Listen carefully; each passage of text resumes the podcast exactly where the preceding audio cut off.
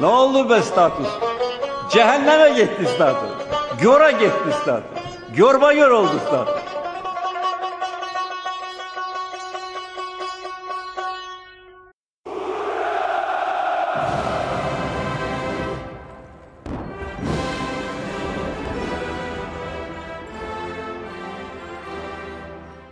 Rusya'dan Sevgilerlerin 16. bölümüne hoş geldiniz. Her hafta olduğu gibi yine karşınızdayız. Ben Deniz Tunç Kalyoncu, Oltuna ile birlikte. Yine çok yoğun bir gündem, çok sıcak bir hafta, hatta 10 gün diyebiliriz.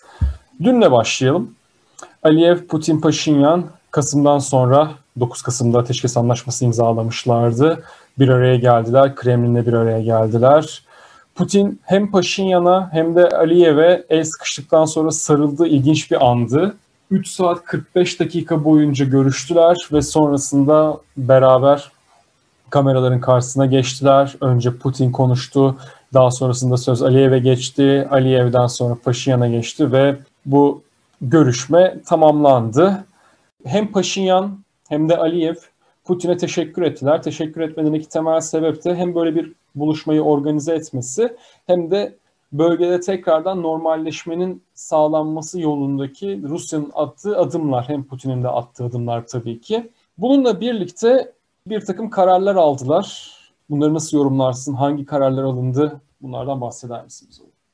Dünkü görüşme her açıdan e, Güney Kafkasya için, Avrasya için aslında hayırlı gibi görünen bir görüşmeydi. Önemli bir diplomatik toplantıydı. Türkiye'de tabii özellikle sosyal medyada bunun bu masada niye yokuz e, kısmı tartışıldı. İşte her masada varız, her masada varız fakat Türkiye yoktu ki bunu aslında Rusya'nın Uluslararası İlişkiler Konseyi think tank'ten bir e, uzman Andrei Kortunov da dikkat çekmiş ve Türkiye'nin e, önemli bir bölge ülkesi olarak, önemli bir e, güç olarak e, bu tarz uluslararası toplantılardan, e, diplomatik müzakerelerden uzak tutulmaması gerektiğini söylemiş ki bu nokta önemli. Fakat aslına bakacak olursak bir yandan da eğer Türkiye yani Türkiye dışı düşünürsek, Türkiye'nin real politiği haricinde bakarsak çok da gerekli değil deriz. Eğer yani biz Türkiye çerçevesinden dışarı çıkınca. Sonuçta e, Rusya'nın patronluğunda, Rusya'nın himayesinde iki ülkenin lideri bir araya geldi. Ve senin de dediğin gibi özellikle burada çok önemli bir başlık konuşuldu. Bu e, altyapı ve ulaşım konusu. Eğer dün ilan edilen kararlar hayata geçirilebilirse, tıpkı Kasım'da imzalanan Teşkes ve Barış Anlaşması tarzı korunabilirse aslında bölgenin geleceği için çok büyük umutlar vadeden bir görüşme olduğunu söyleyebiliriz. Çünkü işte ilk Karabağ Savaşı dediğimiz 88 ve 94 yılları arasındaki savaştan sonra ilk defa birincisi Ermenistan dünyaya açılabilecek Bakü, Erivan ve Moskova arasında bir demiryolu kurulacak. Fakat sadece demiryolu değil tabii. Diğer ulaşım hatları da böylece açılmış olacak. İkinci olarak Azerbaycan Türkiye'ye bağlanmış olacak e, Nahçıvan üzerinden. Bu çok önemli bir adım. Üçüncü olarak Ermenistan bu sefer e, sadece kuzeyden Rusya'ya değil güneyden İran'a bağlanabilecek. İşte Zengezur koridoru üzerinden Laçin ayrıca e, açılacak. Yani özetle e, bölgede ulaşımın, ticaretin, bunun yanı sıra tabii ki artık insan hayatının özgürleşmesi, kalkınması için çok büyük bir projenin temelleri atılıyor gibi. Tabii şu an kesin konuşmamak gerekiyor. Çok büyük laflar etmek, çok büyük umutlar beslemek gerekiyor. Çünkü her ne kadar Paşinyan Aliyev bağlılıklarını vurgulasalar bile Paşinyan'ın geleceği hala muğlak. Bunu bahsettiğim ismini andığımız Rus uzmanlar da bunun altını çiziyor. Çünkü Ermenistan'da hala Paşinyan'a çok büyük bir e, nefret söz konusu. Umarız e, tabii Paşinyan'ın veya Paşinyan gibi düşünen, Paşinyan gibi düşünmese bile Paşinyan'ın boyun eğdiği bu barış anlaşmasına tabi olacak isimler kararlılıklarını sürdürür ve Ermenistan'ın da dünyaya açılması için e, ve Güney Kafkasların artık 30 yıl aradan sonra dünyaya bağlanması için önemli bir adım olur. Şunu ekleyelim ama sadece ateşkes anlaşmasının devamı niteliğindeki bir buluşmaydı bu. Yani hala Dağlık Karabağ dediğimiz bölgenin statüsünün ne olacağı ne oldu be statüs? Belli değil ki Paşinyan da ortak açıklamada bunu beyan etti. Yani hala bu belli evet. değil.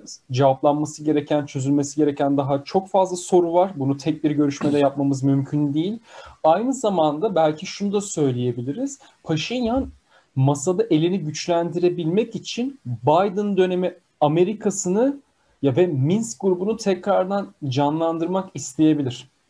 Yani bunu bu adım attıktan sonra Putin'i büyük ihtimalle kızdıracaktır ama eğer elindeki bütün kartlar giderse bu üçlü masada böyle bir tercihte bulunabilir veya daha bu o tercihi yapmadan Amerika kendi inisiyatif alıp da o masada oturmaya çalışabilir. Kesinlikle statüs konusunda Yorma yor oldu statüs. henüz net bir şey olmaması yanı sıra aynı zamanda işte özellikle geçtiğimiz haftalarda bazı küçük e, ateşkes ihlalleri de söz konusuydu. Özellikle Ermenistan tarafından geldiği söylenen, iddia edilen. Bu sebeple yani çok hala kırılgan bir fayat üzerinde duruyoruz. Umarız hani e, tabii bu savaş tekrar alevlenmez. Fakat şu anki takvime göre 1 Mart itibariyle bu altyapı ve ulaşım e, projeleri hayata geçirmeye başlanacak. O tarihe kadar da artık hem statü konusunda hem e, askeri vaziyet konusunda yeni adımlar atılacak mı atılmayacak mı göreceğiz. Fakat burada tabii senin e, dediğin en önemli kilit nokta 20 Ocak sonrası ABD'de ve dünyada neler yaşanacağı. 20 Ocak kadar ama Amerika'da çok sıcak günler yaşanmaya devam ediyor ve geçtiğimiz hafta belki de 100 yılın olaylarından bir tanesi gerçekleşti Amerika'da. Kongre binası Trump'ın destekçileri tarafından Trump'ın kışkırtmasıyla birlikte basıldı, işgal edildi diyebiliriz. İnsanlar öldüler ve görmeye hiç alışık olmadığımız bir takım manzarayla karşılaşıp Türkiye saatiyle gece yarısından sonra pek uyuyamadık biz de. Neler olduğuna gelince işte kongre binası basıldı, cam çerçeve indirildi ama tabii ki Rusya'dan sevgilerle olarak birazcık bunun Rusya etkilerini tartışmaya başlayalım ve Twitter'da çok önemli siyasi analistler, oyuncular, hatta Star Wars'un baş rolünü oynayan Mark Hamill bile Rusya ve Putin üzerinden bir şeyler söylemeye başladı. İşte bu en çok Putin'e yaradı. Almanya'yı yani Doğu Almanya'yı terk ettiği günden bu yana bunu bekliyordu gibi içinde oldukça fazla retorik barındıran cümleler kurmaya başladı ve Putin o sırada tam da Ortodoks Noel'inin gecesi şans eseri o güne denk geldi. Veliki Novgorod'da bir tarihi kilisedeydi. Her yıl Noel zamanı Putin ülkenin farklı şehirlerindeki tarihi kiliseleri ziyaret eder ve daha sonrasında televizyona yapmış olduğu açıklamada vatandaşların ve Ortodoks camiasının Noel'ini kutladı. Ancak Amerika ile alakalı tek bir kelime dahi etmedi. Kendisine de onunla ilgili soru sorulmadı zaten. Ama ondan sonra ertesi gün Dışişleri Bakanlığı Sözcüsü Maria Zaharova işte Amerika'nın iç işleri olduğunu söyledi bu yaşananların. Fakat ülkenin seçim sisteminin arkaik yani eskimiş olduğunu ve modern demokratik standartları taşıyamadığını söyledi. Bununla alakalı Duma'dan da birkaç ses yükseldi ama Kremlin'in en üst kesiminden Amerika'daki olaylara ilişkin açıklama gelmedi. Ama Amerika'da Pelosi dahil olmak üzere bir sürü isim Putin'in adını andı, Kremlin'in adını andı, Rusya'nın adını andı. Ve bütün bu gelişmeleri Rusya bakımından yorumlamak istersen sence Rusya için, Kremlin için iyi bir şey mi oldu, kötü bir şey mi oldu? Buradaki Noel ayrıntısı çok önemli ve güzel, çok şiirsel aslında, çok romantik bir durum. Bir yanda Rusya'nın cidden tıpkı Luke Skywalker'ın dediği gibi doğal manya yıllarından beri ABD'nin çökmesini bekleyen bir e, lider. Tanrı'ya yakarırken, işte mum yakarken e, aynı anda ABD Kongresi e, tırnak içinde serseriler tarafından basılıyordu. Tabii e, herkesin aklına direkt Putin imgeleri geldi. İşte Putin yanı sıra Xi Jinping, işte ne bileyim Kim Jong-un, Ruhani, Hamaney e, fotoğrafları da paylaşıldı mutlu bir şekilde işte dalga geçildi ABD. Fakat ABD'deki istikrarsızlığın anında ABD düşmanlarını mutlu edeceğini düşünsek dahi gelecekte dünya adına yaratacağı sonuçları iyi düşünmek, tartışmak gerekiyor. Bu sebeple muhtemelen Putin ilk haberleri aldığında sevinmiştir. Ama aklı başındaki her siyasetçi gibi daha sonra olayın artçısal sarsıntıları, getirebileceği olumlu ve olumsuz etkiler üzerine düşünmüştür. Burada tabii Pelosi başta olmak üzere diğer isimlerin aldığı, takındığı tavır çok önemli. Çünkü ABD'de her yayında neredeyse dile getirdiğimiz gibi çok önemli bir Rusofobik klik var. Her taşın altında Rusya'yı gören. Bu klik sinofobik, Çin düşmanı diğer lobiyle, diğer klikle savaş halinde. İşte tıpkı Trump ve demokratlar arasındaki mücadelede gördüğümüz gibi. Bu sebeple bunda bile Rusya suçlandı. 2016'daki o hani seçim sürecinde e, dezenformasyon dalgasında Rusya'nın dolaylı ya da doğrudan etkisi tartışılabilir. Gayet demokrat demokrat tezlerinin doğru olduğu bile ileri sürülebilir bence. Bunlar kabul edilebilir bir durum. Fakat e, ABD'nin kendi içerisindeki yaşadığı bu sarsıntıyı dış etmenlere bağlamak çok hani tırnak içinde çomarlık gibi geliyor bana. ABD çomarlığı olsa gerek. İşte dış güçler, dış güçler, dış güçler. Bu noktada ben artık hani sonuçta bir ABD'den sevgilerle program yapmadığımız için Rusya ile ilgili diğer bir konuya geçmek istiyorum. Sadece Trump ekseninde değil, Mark Zuckerberg'in attığı adımla beraber dünyada son bir haftada 25 Ee, milyon kişi Telegram ad- geçti. Telegram adlı uygulama Ocak ayında 500 milyon kullanıcı ulaşmış ve 25 milyon kişi işte son 72 saatte bu uygulamayı yüklemiş. Bunu da duyuran kişi Pavel Durov adlı e, Telegram'ın kurucusu Rus. Telegram 2013 yılında kuruluyor. Fakat o tarihten beri aslında Rusya ve İranlı kullanıcılara daha çok hizmet verdiğini biz biliyoruz. WhatsApp'taki durumu Türkiye'de çok tartıştık zaten. Sosyal medya üzerine özellikle çok fazla bilgi kirliliğiyle beraber bu konu masaya yatırıldı ve en son Tayyip Erdoğan'ın da e, gazlamasıyla beraber pek çok kullanıcı Telegram'a geçti. Hatta Erdoğan da sanırım e, birkaç saat önce bu akşam Telegram'a geçmiş. Fakat e, Mark Zuckerberg'in 2016'dan bu yana aslında devam ettirdiği data paylaşımı süreci Telegram'ın işine yaradı. Fakat dünyanın belli bir kısmında da şöyle bir soru işareti var. Tamam biz işte ABD hükümetiyle ki aslında ABD hükümetinden ziyade biz burada farklı bir tür kapitalizmden söz ediyoruz. Üçüncü kişilere e, reklam ve tüketim çerçevesinde verilecek bilgiler söz konusu. E, ABD'ye güvenmezken neden elin Rus'unun Telegram'ına güvenelim soruları çok e, soruluyor. Fakat Pavel Durov aslında yıllardır e, gönüllü sürgünde. Çünkü Putin de Kremlin'de bundan 2-3 yıl önce sanırım kullanıcı verilerinin e, Kremlin'e aktarılmasını, bir şekilde paylaşılmasını istemiş. Daha sonra hatta yasaklanması da 2019'da söz konusuydu fakat uygulanmadı. Dediğim gibi Ruslar arası çok popüler bir uygulama Telegram. E, bu sebeple de Pavel Durov ve kardeşi e, gönüllü sürgüne gittiler. Ne diyelim kullanıcı özgürlüğü, kişisel verilerin e, korunması adına. Fakat tabii bu bizim bildiğimiz, görünen, Wikipedia'da yazan, haber sitelerinde Batı medyasını süsleyen bir bilgiler. Eğer e, biz biraz daha casus romanlarını seven, Hollywood'un aksiyon ve gerilim filmlerini beğenen bir ekip isek tabii görünenin arkasında farklı şeyler olduğunu da düşünebiliriz, iddia edebiliriz. Tıpkı demokratlar gibi bunun bir danışıklı dövüş olduğunu Kremlin ve Durovlar arasında ve bilgilerin bir şekilde Putin'e aktarılabildiğini de iddia edebiliriz.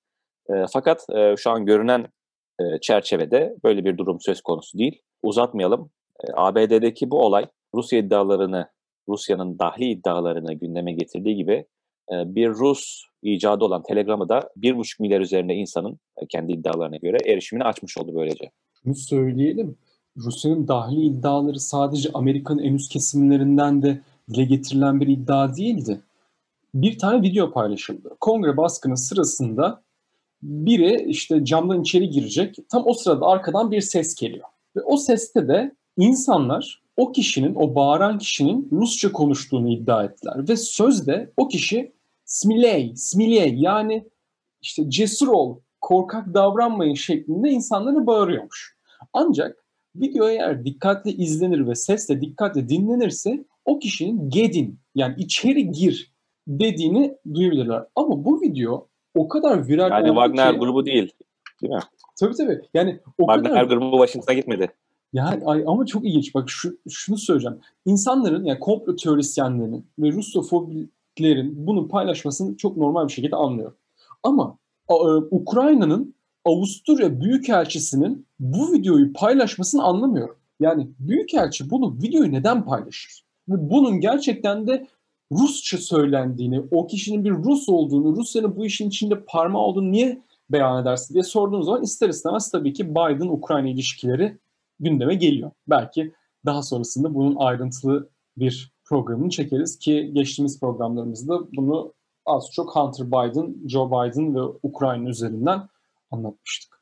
Bununla birlikte şeyi de söyleyeyim geçmeden sen zaten az çok değindin ama Amerika kendi demokrasisini o kadar benzersiz ve eşsiz görüyor ki bir sorun çıktığı zaman bunu kendi iç dinamiklerinden kaynaklandığını ve bunun neden olduğunu tartışmak veya anlamak yerine kişiler üzerinden bunu anlamlandırmaya çalışıyor. İşte Trump buradaki şeytanın kendisi, evil.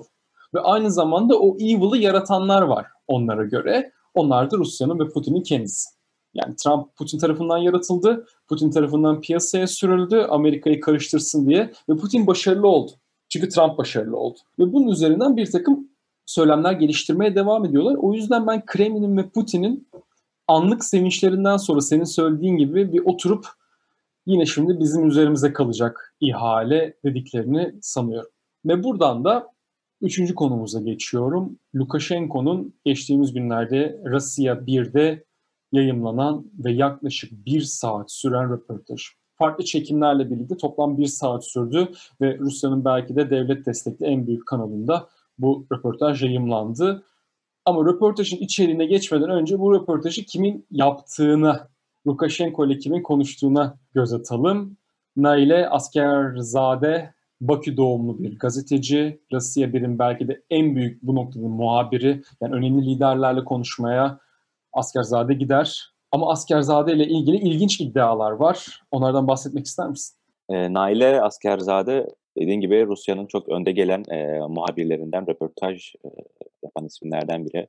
Çok e, çekici bir hanım. Fakat biz onu hep güçlü adamlarla birlikte gördük. Röportajları bu çerçeve oturtuldu. 87'de doğmuş genç bir isim. E, 2019 senesinde bu ismin hızlı yükselişi ilk defa Navalny tarafından gündeme getirilmiş. Navalny'nin kendi YouTube kanalında işte Rusya'daki büyük çaplı yolsuzlukları incelediği ve gözlerine sürdüğü kanalda Central Park'ta harika bir video çekmiş. Program yayınımızdan önce baktım. E, şu ana kadar 9 milyon kişi izlemiş bu videoyu 2 sene içerisinde. Bu videodaki iddialara göre Askerzade e, Rusya'nın en büyük ikinci e, kamu bankası olan VTB Bank'ın CEO'su Andrei Kostin'in sevgilisi. Tabii ki hani istediği insanlar ilişkiler için olabilirler. Fakat Navalny'nin paylaştığı videoda asıl önemli nokta Kostin'in bu genç sevgilisini hediyelere boğması. Ve öyle hediyeler ki işte 56 doğumlu Kostin'in genç sevgilisi üzerine saçtığı hediyeler arasında işte 4 milyon dolarlık bir e, konak, yat, özel jet bulunuyor.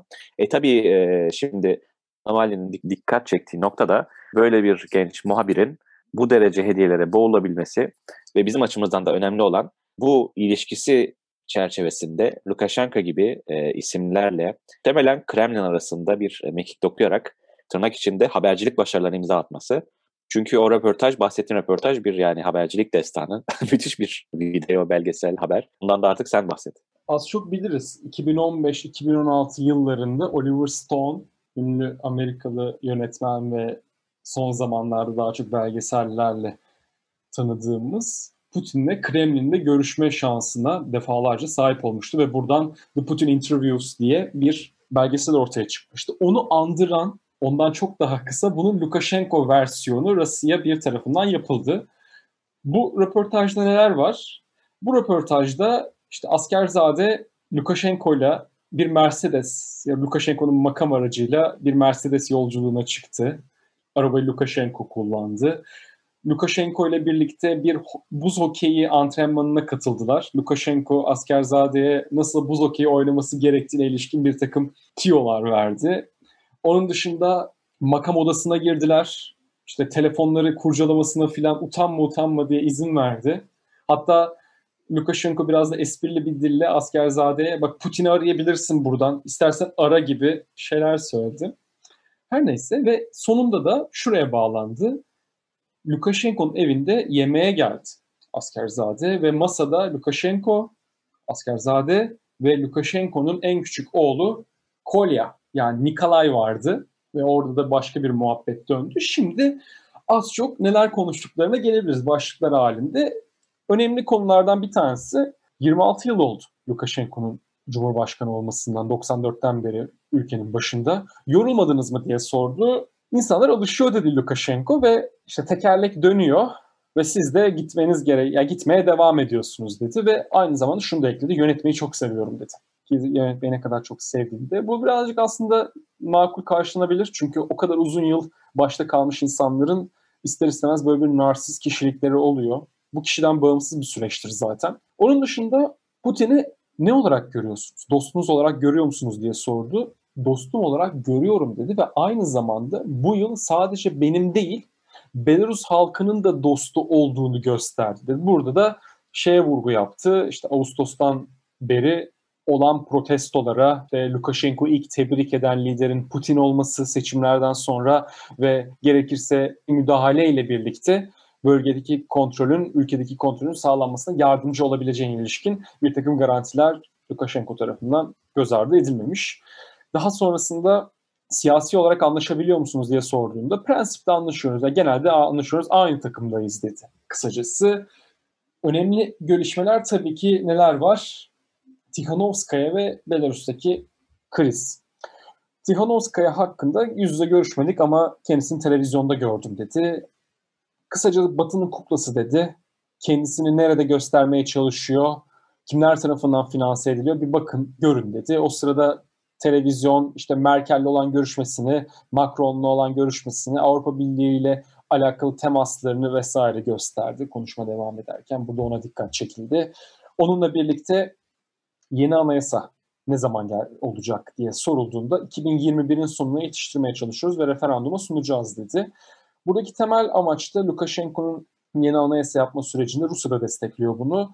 Büyük ihtimalle muhalefetin direncini kırmaya yönelik bir hamle olacaktır. Çünkü muhalefet yekpare bir muhalefet değil Belarus'ta.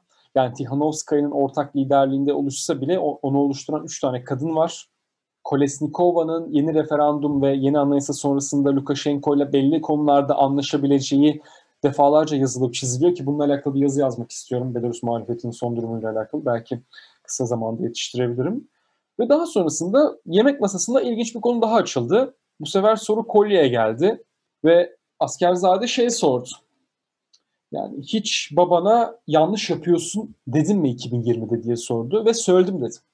Kolya evet 2020'de yanlış yaptığını belli konularda söyledim dedi. Bununla alakalı kısaca susmuyorum dedi. Ve hatta Lukashenko da şöyle ekledi. Kolya bana yanlış yaptığımı söylediğinde şunu söylüyor dedi. Ki Kolya şu an 16 yaşında. Sana başka kimse yanlış yaptığını söylemez. Yani aslında o tek adam ve onun kan bağına sahip olan oğlu işte Lukashenko'yu dürtüyor. Bak baba yanlış yapıyorsun diye vesaire. Ekleyeceğim bir şey var mı bununla alakalı? Tikhanovskaya'nın gitgide denklem dışına düştüğünü görüyoruz. Ee, bu ya tabii şaşırtıcı değil şu an için. Ama Lukashenko'nun da dediği gibi onu yönetenler için yani tırnak içinde onu yönetenler için bu arada ismini andı ülkeler Litvanya, Polonya ve ABD üzücü bir durum. Ee, burada ılık sonunda ortaya çıkmış bir iddiadan da kısaca söz edelim. Putin'in Belarus'ta e, kendisine yakın bir siyasi parti, parti kurdurtacağı iddiaları var. Halkın Hakkı Prava Narada diye bir parti kurulacağı söz ediliyor. Tabii buna ne ihtiyaç var denilebilir. Sonuçta Lukashenko Putin'le gayet yakın, hatta yakından da öte iyi ilişkileri söz konusu. Muhtemelen e, eğer bu iddialar gerçekleşirse ki bunu ilk paylaşan Insider platformuydu Rusya'nın e, önemli bir medya kanalı. Lukashenko'yu hem kontrol altında tut tutma yarayacaktır hem de Lukashenko düşeceği zaman e, bu parti üzerinden yeni bir iktidar tesis etmek için kullanılacağı düşünülebilir. Son olarak burada bir ruble bölgesi oluşturma fikri önemli. E, Belarus ve Rusya arasındaki röportajda da bir önemli bir kısımdı. Her ne kadar henüz kısa süre içerisinde, kısa gele, e, yakın gelecekte hayata geçirilmesi mümkün değilse bile Belarus'la Rusya'nın entegrasyonu ve buradan hani Avrupa Birliği tarzı bir oluşum mu çıkacaktır? İşte bağımsız devletler topluluğunun çok daha yakınlaşıp SSCB tarzı bir oluşuma mı gidecektir? Yoksa Rusya Belarus'u yutacak mıdır uzak gelecekte? Tüm bu tartışmalara yol açacağını öngörebiliriz. Bu Rublezon olayı özellikle ilgi çekici ve insanları düşünmeye tabii sevk etmeli. Röportajı da özellikle estetik açıdan, sinematografik açıdan izlemeyi tavsiye ederim. Evet ben de o konuda tavsiye ediyorum. Akıyor yani. Lukashenko'dan nefret etseniz de sevseniz de bir şekilde akıyor. Orada şeyi söyleyeyim ama. Liderler üzerinden bir like savaşı var. Onu ekleyelim. Bu Türkiye'de de olduğu, başka yerlerde de olduğu, YouTube'a yüklenen ve liderlerin yapmış olduğu yayınların, röportajların paylaşıldıktan sonra dislike like yani, yarışının yapılması Lukashenko'nun... Avrupa dışı liderler arasında diyebiliriz yani. Avrupalı liderler. Evet mümkün. mümkün. Mümkün. Artık evet. Onu, onun başına da istediğiniz sıfatı siz ekleyin. Aynen. Aynen. Şey Lukashenko'nun e, Rusya bir tarafından yayınlanan videosu işte dün yayınlandı. Şu an 30 bin dislike var. Yaklaşık 8 bin tane de like var. İşte bu yarış büyük ihtimalle devam edecektir gibi gözüküyor. Yani fark çok çok değil ama sanırım açılır. Buradan da şeye bağlayalım o halde. Kırgızistan'da Cumhurbaşkanlığı seçimleri yapıldı. Geçtiğimiz pazar günü ve Ekim'den beri ne olacak diye sorulan Kırgızistan'da Sadır Japarov ki kendisi hapisten çıkarılmıştı. Ekim olaylarında önemli bir isimdir. %80 oyla seçildi ve ülkeyi artık Sadır Japarov yönetecek acaba ne zamana kadar, acaba bir sonraki problem ne zaman olacak diye de sormamız gerekiyor. Yaptığı açıklamada işte Rusya ile yakın ilişkileri sürdüreceğini, öncelikle siyasi bir normalleşmeye gitmeleri gerektiğini ve ekonomiyi çözeceklerini, problemleri çözeceklerini, yolsuzluğu bitireceklerini söylediler. Ama Kırgızistan tarihini az çok inceleyecek olursak ki bunu 3. bölümümüzde Hakan Güneş'le yapmıştık. Her iktidara gelen Kırgızistan'da yolsuzluğu bitireceği iddiasıyla iktidara gelmiştir. Ama ya devrilmiştir ya da bir sonraki seçimi kaybetmiştir. Problem yolsuzlukla ilgili çözülmemiştir, çözülememiştir. Bakalım Sadır Japarov bu sorunları çözebilecek mi? Bekleyip göreceğiz diyelim. Ve ekleyeceğim bir şey yoksa bugünlük de bu kadar diyelim. Burada tabii tekrar e, ben de Hakan Güneş hocamızı anmış olayım. Çok güzel bir yayındı bizim ilk konuklu yayınımız. E, dinlemeyen e, takipçilerimiz mutlaka dinlesinler. Kırgızistan üzerine çok güzel notlar vardı orada. Japarov'un seçilmesi, e, ben yabancı basına da biraz baktım nasıl e, karşılanmış diye. Financial Times, ABD'li bir Asyalı uzmanın Kırgızistan'ın Trump'ı, Kırgız Trump e, söylemine dikkat çekmiş. Japarov'u milliyetçi, Trump benzeri bir popülist, otoriter geçmişten geldiğini söylemiş. Ki mutlaka biyografisine bakmak lazım. Çünkü e, Lale devriminden bu yana çok önemli bir karakter Japarov Kırgızistan'da. Fakat benim dikkatimi çeken bir başka husus da Daily Sabah'ın ülkemizin yüz akı da tıpkı Financial Times ve diğer batılı gazeteler gibi Japarov'dan e, Kırgız Trump olarak bahsetmesi. Ha bu arada yanlış bir benzetme falan diye demiyorum ki e, ABD ile Kırgızistan arasındaki dinamiklerin de çok fazla olduğu ve bu benzetmenin ne kadar e, tartışma götüreceği zaten ortada. E, fakat Daily Sabah'a da böyle bir not düşmüş olalım. Bu haftalık herhalde bu kadar. Evet, gelecek hafta konuklu devam edeceğiz. Onu açıkladık aslında ama buradan da duyurmuş olalım. Normalde her 3 bölümde bir programımıza konuk davet ediyorduk. Bir değişiklik yaparak her iki bölümde bir konuk davet etmeye çalışacağız. Şimdilik böyle ilerleyeceğiz ve gelecek hafta yeni konuğumuzla yeni bir özel bölümde karşınızda olacağız. Kendinize iyi bakın, hoşçakalın diyoruz.